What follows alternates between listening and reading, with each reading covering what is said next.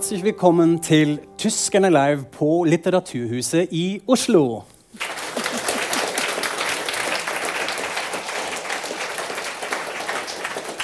Ja, og i dag, eh, 9. november, eh, er det akkurat eksakt 30 år siden murens fall. Og når vi sitter her nå, klokka seks For da 30 år siden så begynte denne berømte pressekonferansen da eh, muren ble åpna. Den varte fra seks til sju, ble direktesendt.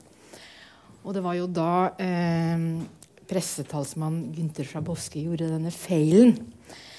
For da hadde, eh, da hadde jo allerede i lang tid folk fra DDR begynt å forlate landet gjennom over Tsjekkoslovakia, ut fra Ungarn og sånn. Og DDR-regjeringa hadde funnet ut at vi må gjøre noe nå for å hindre at alle drar. Og hva vi kan gjøre, er jo å forandre litt på reiserestriksjonene, sånn at folk kan få eh, eh, kommet ut uten at de må liksom flykte og aldri komme tilbake igjen. Og så skulle eh, Gynter Schabowski fortelle om dette på pressekonferansen, men han hadde ikke vært på regjeringskonferansen, så han hadde bare med seg en liten lapp. Eh, så fortalte han dette, og så var det en journalist tror han var italiensk, som rakk opp hånda og spurte men fra når gjelder dette. Så ser han på lille lappen sin og så sier han nei, det gjelder vel fra nå. Og da styrta jo folk av gårde da, som så dette, til muren for å kunne gå over eh, grensa. Og så skjedde jo det mirakelet da, at det var ingen som skøyt. Og det ble ikke vold, og det ble ikke noe annet enn at folk kom seg over til vest. Mm. Dette skjedde nøyaktig 30 år siden. og det er ganske spesielt. Når du forteller det på den måten, så begynner jeg å kjenne litt alvoret òg. Eh, men også litt gleden. Men vi tenkte før vi begynner å snakke om det, og selvfølgelig også alt det andre som skjedde på denne dagen det er jo ikke, eh, ja, Vi har jo kalt det skjebnedagen til tyskerne, fordi det var mye mer som skjedde. Så tenkte vi å vise noen av disse historiske bildene fra samme kvelden, sånn ca. klokka 11, tror jeg var dette. Uh, hvordan det så ut, hvordan det hørtes ut, og hvordan det føltes litt kanskje også.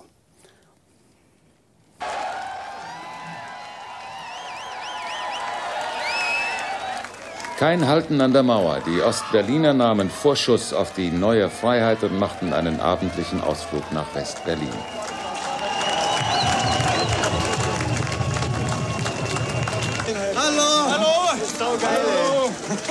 Dreieinhalb Jahre hat es gedauert. Dreieinhalb Jahre.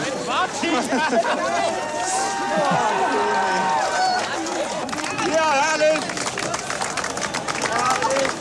Wir gehen jetzt Bier trinken am Kudamm. Und dann? Und dann fahren wir wieder nach Hause. Das machen wir dann öfter so. Bekannte, die wollen wir besuchen, die warten um zwölf Uhr. Ja, aber mal ruhiger. Äh, Nur mal gucken. Das ist traumhaft. Und dann wieder zurück. Wann? Ne, heute irgendwann. Oder, also besser gesagt, ist doch heute. Wahnsinn! Wahnsinn! was zu toll. Das ist toll. 28 Jahre, das ist die Stunde. Und ich bin sehr glücklich. Das ist nicht möglich. Ich bin mir ist schlecht, mir ist schlecht. ich kann es nicht fassen. Ich, ich bin in einer Ohnmacht. Wann haben Sie sich entschlossen, rüber zu fahren? Vor, vor einer halben Stunde. Und fahren Sie zurück Ich wieder? mal erst gucken. Ich möchte mal hier rüber. Ich kann es nicht glauben. Ich Und Sie wollen aber wieder zurückfahren? Heute Abend doch? Viel Spaß auf dem Wir Kudamm. bleiben da nicht weiter. Okay, Wir tschüssi. können da jetzt immer fahren. Glauben Sie nicht? Natürlich. Ja.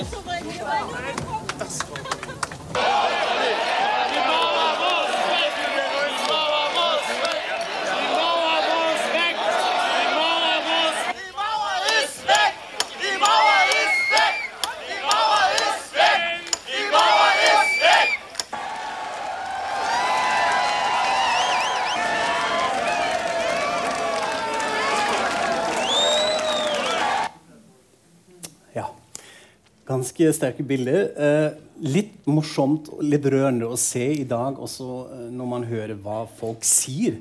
Eh, ja, Vi skal bare ta en liten tur, vi skal se litt, og så skal vi tilbake selvfølgelig igjen. Eh, Så kan vi gjøre det en gang til. Ja, så kan vi gjøre det hele tida, fordi nå er det mulig å dra tilbake igjen. Så blir det også spurt ja, men dere skal hjem igjen.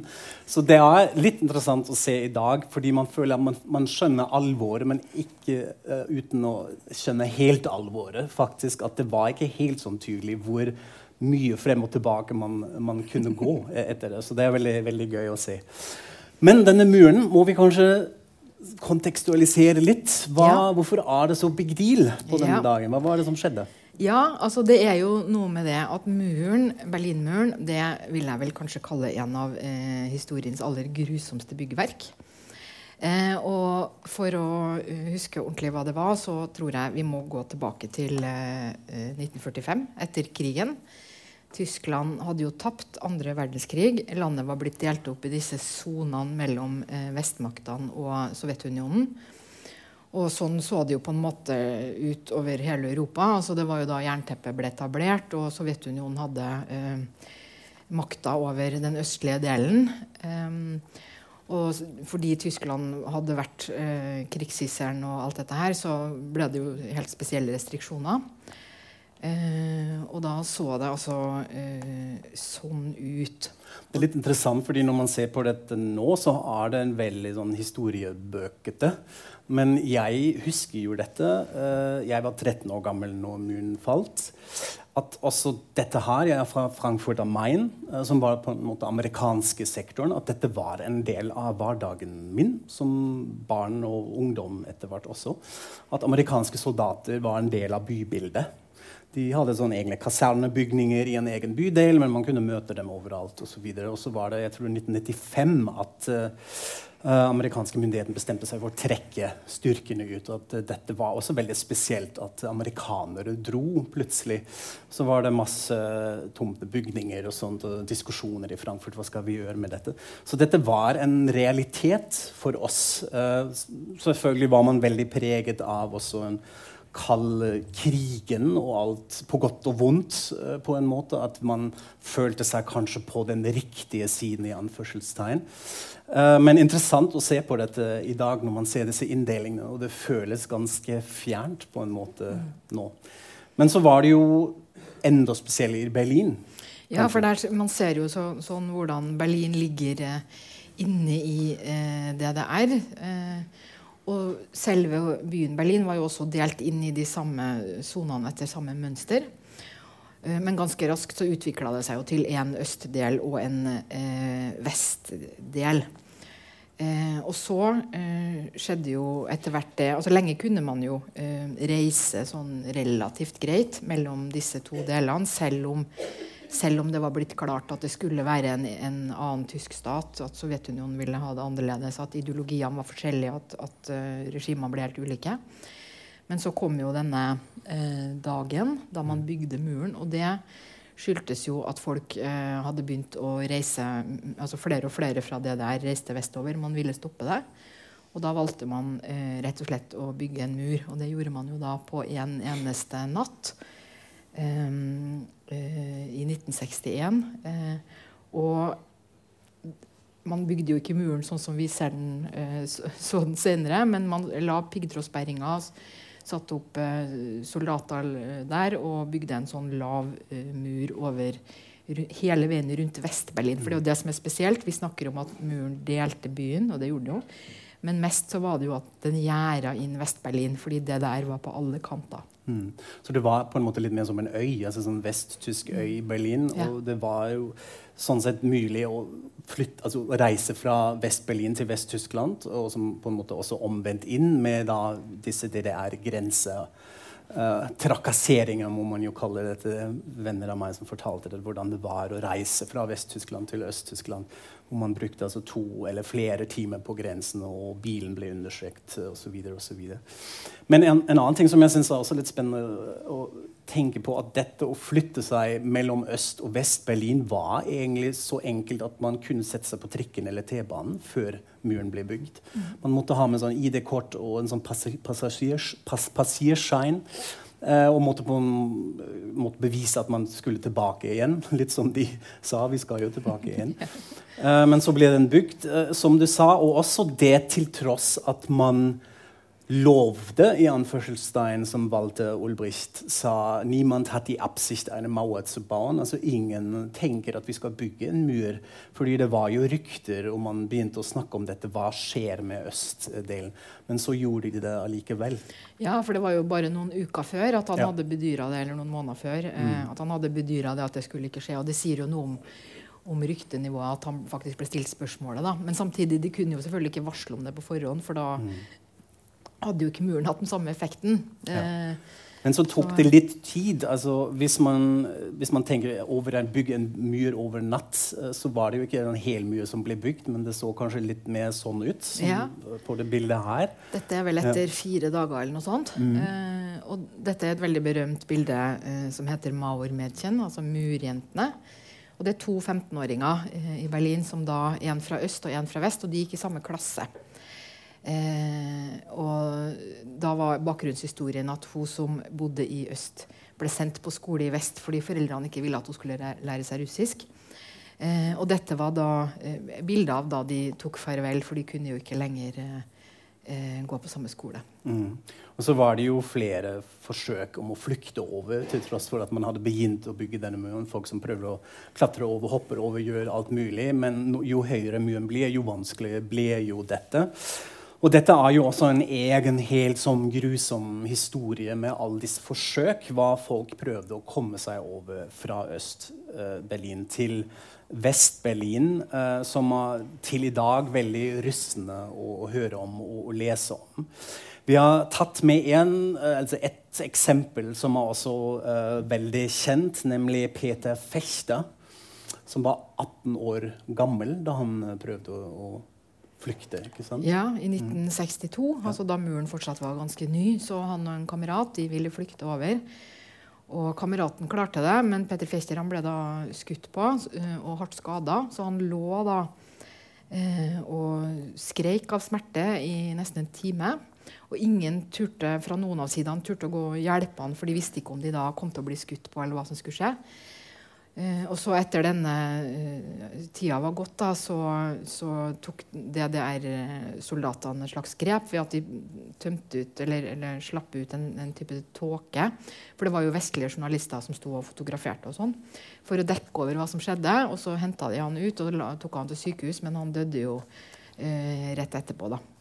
Og det var mellom 140 og 240 eh, som døde i sånne forskjellige typer fluktforsøk så lenge i de 28 årene som muren eh, sto. da.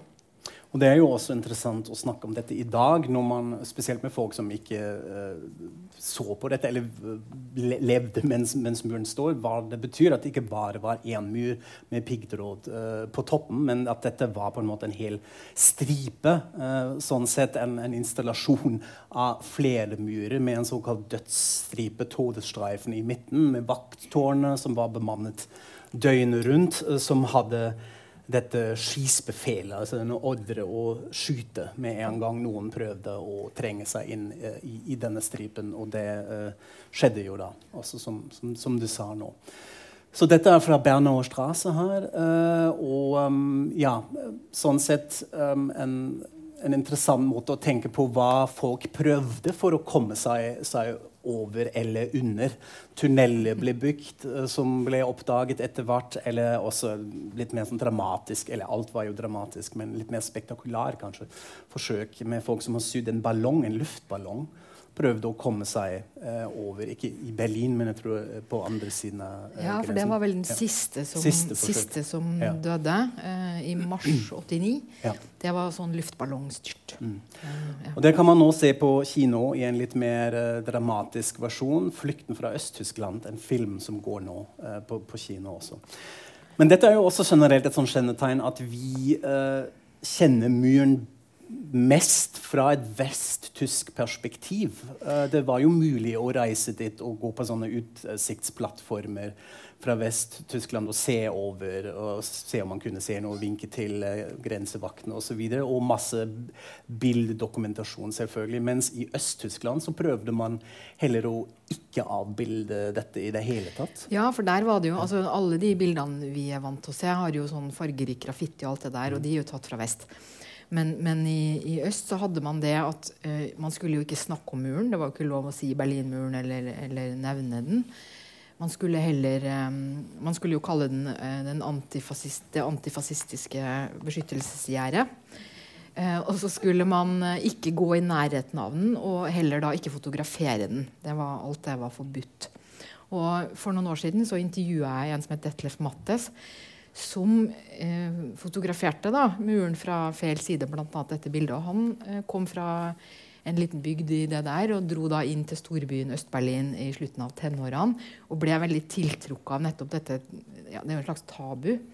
Eh, så han fikk det som sin ja, kan, Jeg vet ikke om man skal kalle det hobby. En veldig farlig hobby.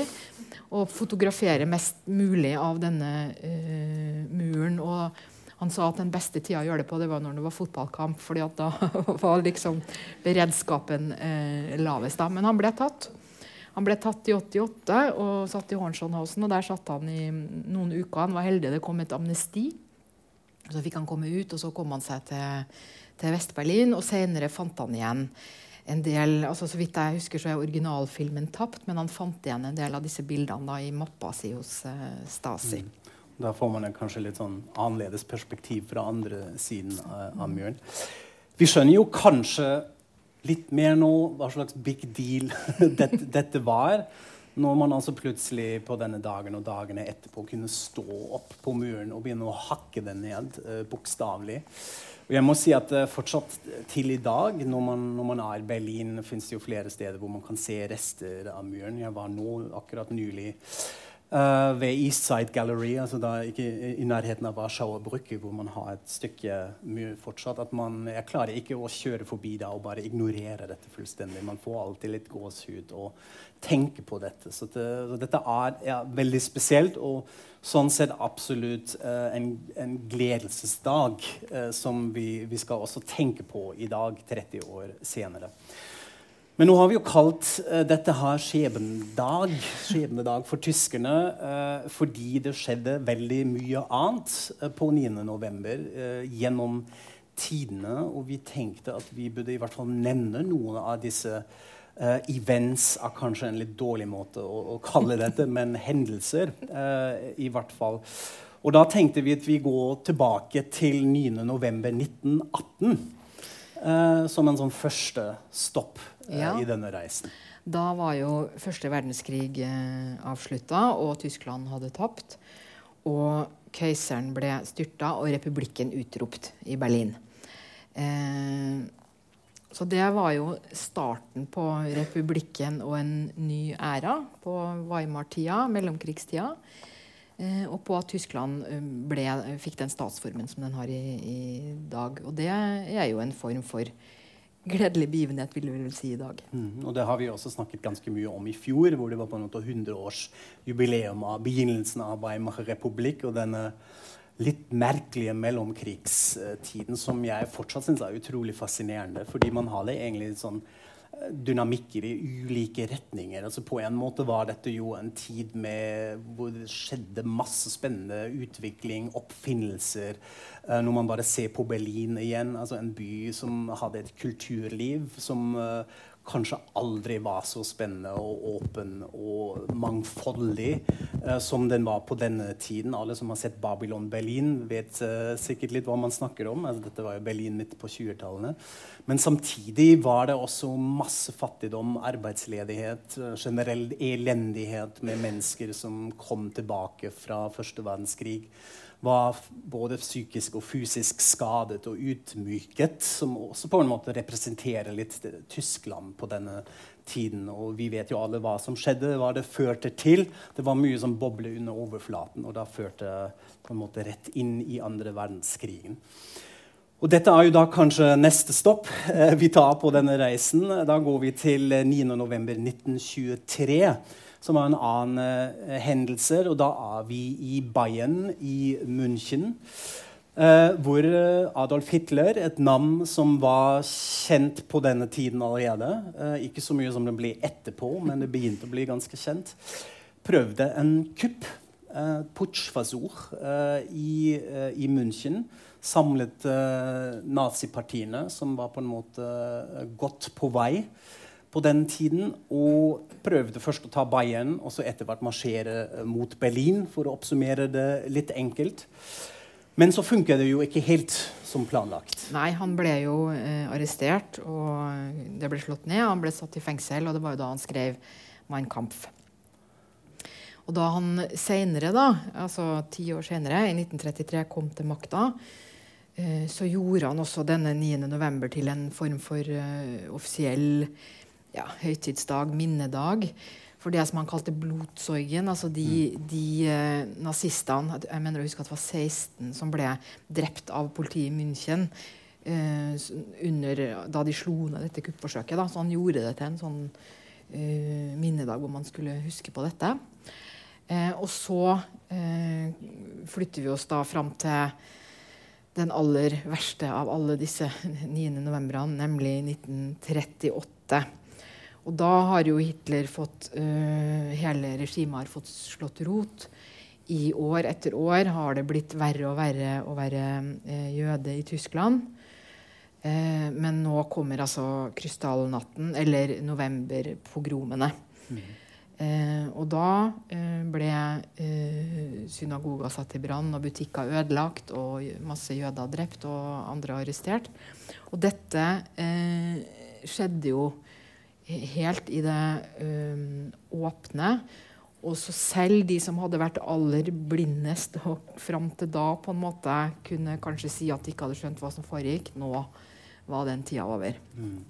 Jeg har et bilde fra synagogen i Frankfurt uh, som ble tent på. og Dette er jo også et kjennetegn at, uh, som du sa, til tross for alle innskrenkelse og trakassering, eh, så var dette et slags paradigmeskift hvor det rett og slett handla om vold. Om direkte og åpen vold mot eh, jødiske medborgere og anderstenkende, som man eh, sa det på tysk. Så veldig interessant å se denne mytebyggingen rundt dette der. At man prøvde å fremstille dette på en måte at det var det tyske folket nå som hadde fått nok. Basert på en sånn hendelse i Paris hvor en uh, ung mann, en jøde, Herschel Grunspan, uh, uh, gikk til ambassaden, den tyske ambassaden i Paris og uh, skutt på eh, en, eh, en sekretær der som døde noen dager etterpå. Så ble denne hendelsen tatt som et slags eh, påskudd eh, for å vise nå er det nok, nå har det tyske folket nok. eh, og nå um, må vi få jødene ut. Så, selv om dette var på en måte regissert av SA og SS, så fremstilte man dette som uh, den tyske befolkningen hadde, hadde tatt over og åpne dørene til holocaust etter hvert. Og dette her er et bilde fra Baden-Baden, uh, hvor da um, jødiske medborgere og andre ble avtransportert til konsentrasjonsleirene mens uh, tyskerne ser på. Det er jo også en sånn interessant detalj uh, i bildene her. Og vi vet jo hvor dette bar. Uh, dette var jo starten for alvor eh, på det som skulle bli holocaust. Hvor, som endte med seks millioner eh, myrda jøder. Og dette minnes jo eh, på mange ulike vis, også i dag. Og vi tenkte bare å vise denne eh, snublesteinen, som er et sånt fantastisk sånn internasjonalt minnesmerkenettverk, som vi jo også har i Oslo. Eh, som er disse eh, steinene i fortauet rundt omkring med navn og datoer for at vi skal huske de enkeltindividene eh, som ble ramma. Som også er litt fascinerende å se hvor, i, i hvor mange land de fins. Eh, så eh, det er jo selvfølgelig noe som har skjedd i hele Europa. Eh, men også her i Norge, og hvor relevant dette fortsatt er, skjønner jeg nå bare noen uker siden hvor det var en diskusjon på Sankthanshaugen fordi noen hadde sprayet over noen av de snublesteinene. Uh, og man begynte å lete etter folk, og hvem, hvem var dette? Så dette her er på en måte en, en, en monument eller en påminnelse som har en ganske direkte effekt til, uh, til i dag. Uh, og det er kanskje enda viktigere derfor at vi, at vi snubler over disse steinene. Så en komplisert dag denne 9. november. kanskje. Komplisert. Og den beste boktittelen jeg vet eh, på en bok om Tyskland, det er 'Tyskland er et land for voksne'. Og det er en dansk bok. Og jeg tenker at det er sånn eh, Man må være ganske voksen for å klare å håndtere disse forskjellige historiske lagene og ha plass til så mye eh, sorg og glede og sånn på en og eh, samme dag. Men sånn er det i Tyskland. Og eh, dere husker sikkert da eh, dette bildet av eh, Maur Medkjenn, som var et trist bilde, eh, der eh, Berlinmuren eh, skilte dem. Og de heter da Rosmarie Badsewski og Krimmel Maier. Og mange år etterpå så var det en historiker som spora dem opp. Og nå i sommer så tok en avis dem med til eksakt samme sted. Og der kunne de stå da, eh, som et sånt minne om at eh, sår kan gro. Eh, man kan møtes igjen. Eh, og det er på en måte, en helt hverdagslig historie. Ingen av disse hadde, hadde altså, har levd dramatiske liv, men ikke sånne grusomme, dramatiske liv som mange har. Altså, de hadde liksom reist ut av Berlin begge to, og den ene bodde i Sveits. og litt sånn. Men det er likevel sånn her, et lite sår fra den kalde krigen som føles som det har grodd. Jeg tror det er derfor det er mange som liker å se dette. Eh, og det var i masse aviser i, i, i Berlin. Eh, og så syns jeg også det er litt ekstra morsomt at eh, både sant, på det første bildet så er det Berlinmuren som bygges, men her er det også en byggeplass.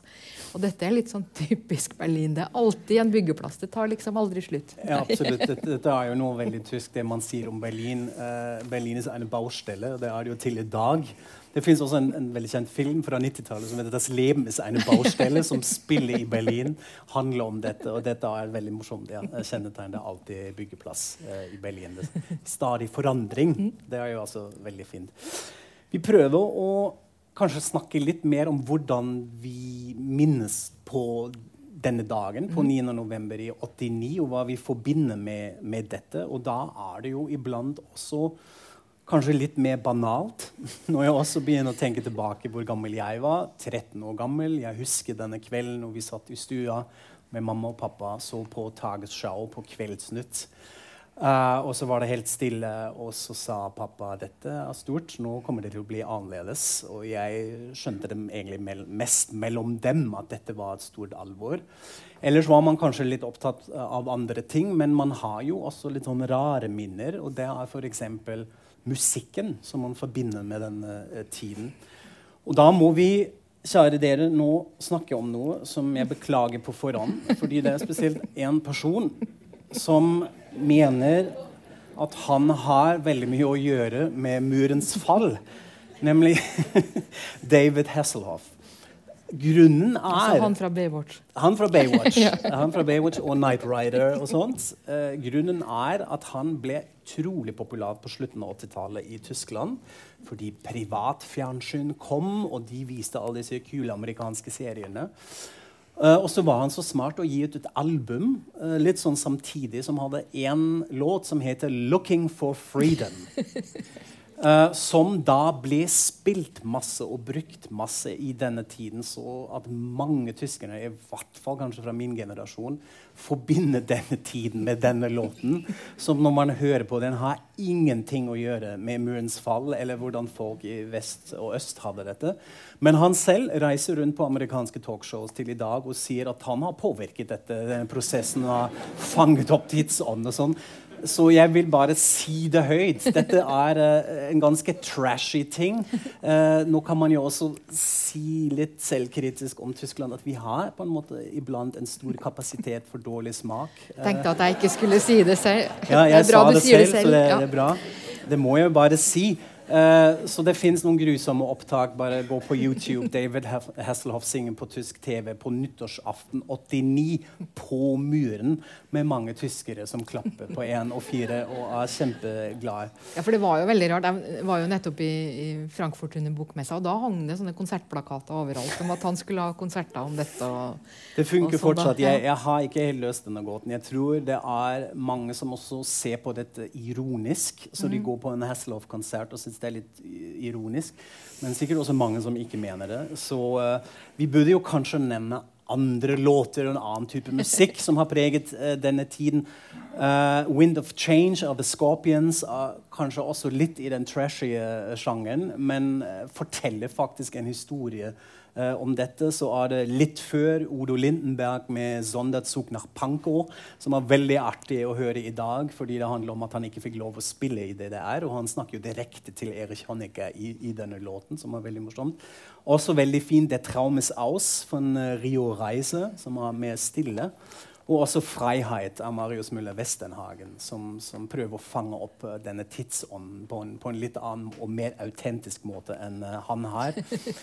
også en ting som vi lenker til på Facebook-siden vår, som uh, kom ut noen dager siden. noen journalister fra Hessische Rundfunk i Frankfurt har lagd en stor oversikt over østtysk musikk mest punk- og rockmusikk fra slutten av 80-tallet som uh, kartlegger litt hvorvidt disse bands var med og skaper en slags subversiv stemning og angriper regimet på en kanskje litt mer subtil, iblant ikke så subtil måte. Og var med å myke opp uh, regimet og denne stemningen som var veldig fascinerende å, uh, å høre på. Så det må dere gjøre på Facebook-siden. Men nå skal vi videre til dagens debatt, ja. kanskje. For det var jo ikke David Hasselhoff som reiv eh, muren. Nei. Men hvem var det som gjorde det? Og det er jo en sånn eh, Fortsatt i dag så pågår det jo en, en slags type debatt om det. Eh, og da er f.eks. historikeren Ilko Sasha Kowalczuk, som er en veldig interessant eh, og det er kanskje den største autoriteten på dette nå. Han, han, kan, han er jo selv fra Øst-Berlin ekspert både på DDR og på hva som skjedde under eh, de Wende, og eh, prosessen etterpå. Og han er nå ute og advarer mot en slags form for sånn eh, mytologisering av eh, borgerbevegelsen i DDR. Eller rettere sagt av at det var DDR-borgerne som rev muren. At dette var en slags lokalt fenomen. Mens det selvfølgelig egentlig var en del av en, et stort europeisk bilde. og et resultat av også internasjonal politikk. Og at man må ha med seg hele dette bildet. Dette var en bølge som gikk over Europa. ikke sant? Med, eh, det ble hull i jernteppet mellom Østerrike og Ungarn. Eh, I Polen hadde Solidaritet kjørt rundebordsforhandlingene eh, med regjeringa utover våren. Og der hadde det vært det første nesten frie valget i 4.6. Sånn at Moskva og alle eh, kommunistregjeringene var under et veldig veldig hardt press. og og Gorbatsjov satt i Moskva og myka opp og hadde kommet med sin uh, Sinatra-doktrine, som han kaller det. ikke sant? Nå skal alle bare gjøre det You can do it your way. Altså, du kan alle gjøre det på sin måte, alle land. Det er ikke lenger sånn at vi kommer og tar dere med tanks hvis noen prøver å, å bryte eh, rekkene. Så alt dette hører med til historien. Og så i tillegg også selvfølgelig hva borgerbevegelsen i DDR gjorde. De hadde selvfølgelig også stor betydning, men de var ikke alene årsaken. Og dette syns jeg var veldig interessant, for i, uh, i går i forbundsdagen så snakka man nettopp om dette temaet. Og da kan man se hvordan Gregor Gysi fra Venstrepartiet De Linke um, altså et parti som til en viss grad, vil man vel si, er, en, også en, en, liten arving fra eh, kommunistpartiet, eller de har noen røtter der. Han utførte nettopp en sånn type mytologisering på talerstolen i, i går. Eh, der han snakka både om at DDR-borgerne selv hadde gjort dette, og noe som du er litt uh, interessert i, Kai? Ja, altså jeg så på denne talen i dag igjen fordi jeg bare leste om det i går. Det var på en måte en, en, en sånn påminnelsesdebatt i forbundsdagen at man skulle minne på 9.11. Veldig interessant å se hvordan alle partier på en måte tok det opp på sin måte og prøve også uh, tilføre på sin egen ideologi i måten man gir et egen fasit om hva som hadde skjedd.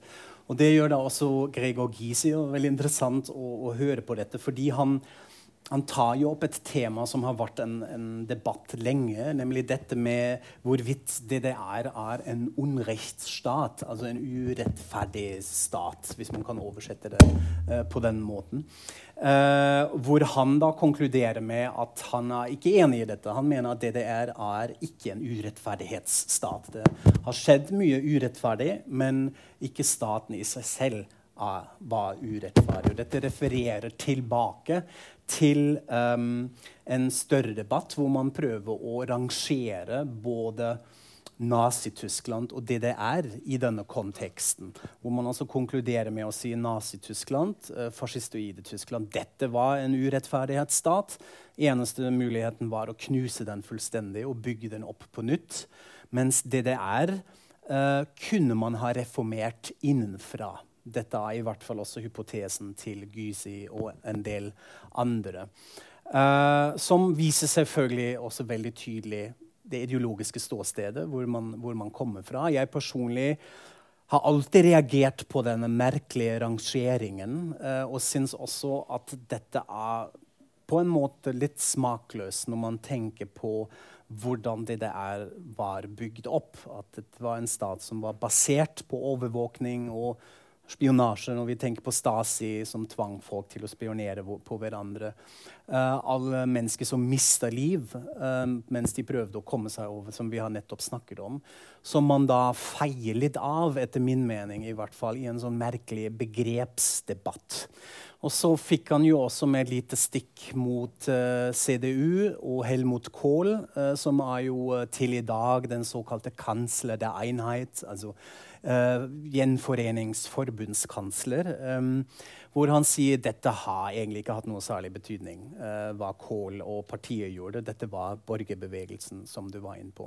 Som vi også vet, også som du sa, er på en måte bare én side av medalje. Også utrolig spennende å gå tilbake og se på nettopp den historien. hvordan Kohl og andre prøvde å overbevise disse statsledere fra de tidlige allierte om å ikke være redd lenger av Tyskland, eller den gjenforente Tyskland. George Bush, Francois Mitterrand og da spesielt Margaret Thatcher, som var veldig veldig skeptisk mot den gjenforente Tyskland. Uh, så da trengte man mye overtalelse og mye strategi og diplomati i, i, kulissene iblant, som jeg tror Kohl har hatt uh, ansvar for også. Så dette var merkelig å se hvordan denne debatten da uh, funka, og hadde en sånn litt, litt rar punchline med det som, som Gizi sa, som ikke var noe nytt, men som i hvert fall skapte også litt bråk. Uh, det var mye protester uh, i salen, så dette er vi ikke helt ferdig med. Nei, tenker så, jeg, så tenker jeg også at dette viser at vi tenker, altså Fra Vest-Tyskland sett, eller kanskje også fra utlandet sett, så tenker vi så ofte på Eller vi snakker i hvert fall som om østtyskere i dag eller er en sånn enhetlig klump. da. Mm. Men med en gang man begynner å bore litt i denne typen debatter, så ser man at internt i eh, de nye bondeslende, altså det som var DDR, så er det selvfølgelig kjempestor uenighet om dette. Og de som var i borgerrettsbevegelsen, har, har en, et synspunkt. Øh, folk fra De Linke har, de er heller ikke alle enige med Gusi, men de har et annet, andre typer synspunkt. Og at eh, hvert fall opplever jeg nå at eh, disse debattene er tydeligere og sterkere enn de kanskje har vært før. Og i hvert fall kommer de mer fram over hele Tyskland, og de føres eh, åpnere og, og, mer spennende. Hva var det egentlig som skjedde? Eh, i, hvordan skal vi forholde oss til de som ikke var i borgerrettsbevegelsen, mm. men som kanskje var i partiet? Hvorfor har AFD så stor oppslutning? Alle disse tingene gjør eh, at debatten føles litt sånn fornya og, og forfriska denne gangen. Og kanskje litt åpnere og ordentligere, tenker jeg. Mm, så kanskje klarer vi å komme oss litt nærmere på denne definisjonsmakten. Fordi vi har flere sider og flere stemmer med, med i debatten. Vi nærmer oss slutten her, men jeg har jo lovd deg å stille deg et spørsmål. Et litt sånn irriterende slash gøy spørsmål på slutten. Hvor gjenforent er vi egentlig i dag, Ingrid? I 2019? Ja, det var det, da. 30 år etter. Altså, det er jo fortsatt disse eh, økonomiske ulikhetene til en viss grad. De har blitt veldig minska, altså lønninger og pensjoner og sånn, eh, men de er fortsatt lite grann. Og så er det jo eh, relativt eh, store eh, forskjeller i, i, politisk landskap, kan man, kan man vel si. Eh, eh for eksempel eh, Dette kartet viser jo da hvor stemte man på AFD i europavalget i mai. Og da ser man jo veldig tydelig hvordan det følger øst-vest-grensa. Eh, det man også kunne gjort, I stedet for å vise dette kartet, så kunne vi vist et kart som viser hvor er befolkninga eh, eldst. Eh, eller hvor flytter flest folk fra. Det ville fulgt de samme eh, grensene. Så dette er to ganske vesentlige eh, måter, eller faktorer tenker jeg, som gjør at det fortsatt er forskjeller. Men forskjellene er nok mye mer eh, kultur, synet på historie, eh, alt dette her. Kanskje også at en del flere lengter eh, etter noe litt mer autoritært. Det er lite egentlig med penger, tror jeg. Og det er også noe med det er også sånn som uh, han Ilka, uh, Ilko Sasha Kowalczuk poengterer veldig, at hvis man skal se på hva som har skjedd i de andre landene som var kommunistiske, så er jo DDR-borgerne bare å misunne. Så kan man si at det, det handler jo ikke det, sånne, sånne, ting handler jo aldri om det. Hvordan man egentlig har det. Det handler jo alltid om hva man sammenligner seg med, og, og uh, alt dette. da. Men det er virkelig sånn at uh, det er der folk flytter fra. Det er der de uh, eldste bor. Det er der det er de mest sånn, det er færrest byer, mest såkalt struktursvakt. Og jeg møtte jo en, en venninne under bokmessa i Frankfurt, som da opprinnelig kommer fra Brandenburg, en liten landsby. Og hun sa jo det at hun eh, orker jo knapt å, å, dra hjem dit lenger, fordi hun opplever noe som hun kalte den brandenburgerske sinnsstemninga hver gang hun drar dit, og at hun blir sett på nesten som en slags sånn forræder fordi at hun har flytta. Så det er også en sånn type eh, ting som mm. foregår. Så dette er jo også et av disse avgjørende spørsmålene. Hva gjør vi med den østtyske identiteten? Hvordan tar vi den med? Hvordan jobber vi mot den? Eller hvordan funker dette? Jeg tenker jo også at her kommer denne nye generasjonen inn, inn i bildet og kanskje tilfører noe nytt og noe veldig relevant. Uh, jeg har også en del venner som er sånn født rett før Uh, muren falt, og litt etter, og sånn, som har litt sånn annen sinn uh, på dette. Og uh, oppdaget nå også en, en, veldig interessant bok av en journalist som heter Johannes Nichelmann, som er også født etter 1989. som boka heter 'Vendekinder', altså gjenforent... Nei, hva, hvordan oversetter man 'vende'? Jeg klarer alltid. Vendepunktsbarn, Vendepunktsbarn. eller noe sånt. Ja som sier at dette her er også noe vi må definere på en annen måte. Og at han selv egentlig ikke har vært så opptatt av dette. Og at han selv mener at han ble østtysk da han flytta med familien sin til Bayern da han var ni år gammel. Og fikk dette speilet uh, mye mer. Uh, og jeg tror også at dette ligger litt da, hvordan vi forholder oss til, disse, til denne splittelsen. Uh, og hvordan vi tar den videre. Uh, og hvor, rett og slett hvordan vi uh, Hvor interessert vi er i hverandre også. Venner mine fra Øst-Tyskland som har sagt det flere ganger. Veldig fint at dere har så mange meninger og mange analyser, men hva med å ta en tur hit? komme til Efort og, sånt, og snakke med oss og, og gjøre noe. Det finnes jo også mange initiativer, spesielt på kulturfeltet, og sånt, at man kan begynne å jobbe sammen. Men jeg tror det, det er der det ligger, rett og slett. Vi må snakke sammen. Vi må snakke ja. sammen. Og da kan jo jeg eh, eh, si, de, si, noe som eh, jeg fikk høre en gang. Jeg snakka med en som, eh, som kom fra øst. Og hun var da like gammel som meg, så hun var omtrent 20 år da muren falt. Og hun sa til meg hva var det nå egentlig vi lærte av dette? Hva lærte vi da muren falt? Jo, lærdommen er alt er mulig. Overraskelser kommer. Vi vet ikke hvordan fremtida ser ut. Og det syns jeg er en fin ting å ha med seg videre. Mm -hmm. En tror, god grunn til å feire. Absolutt. Det er en grunn til å feire. Jeg tror det er her runder vi av. Tusen takk at dere hørte på oss her på Litteraturhuset. Tusen takk på alle dere som hører på oss hjemme. Lik og del oss på Facebook og på alle plattformer. Så høres vi straks igjen og sier auf Wiederhøren.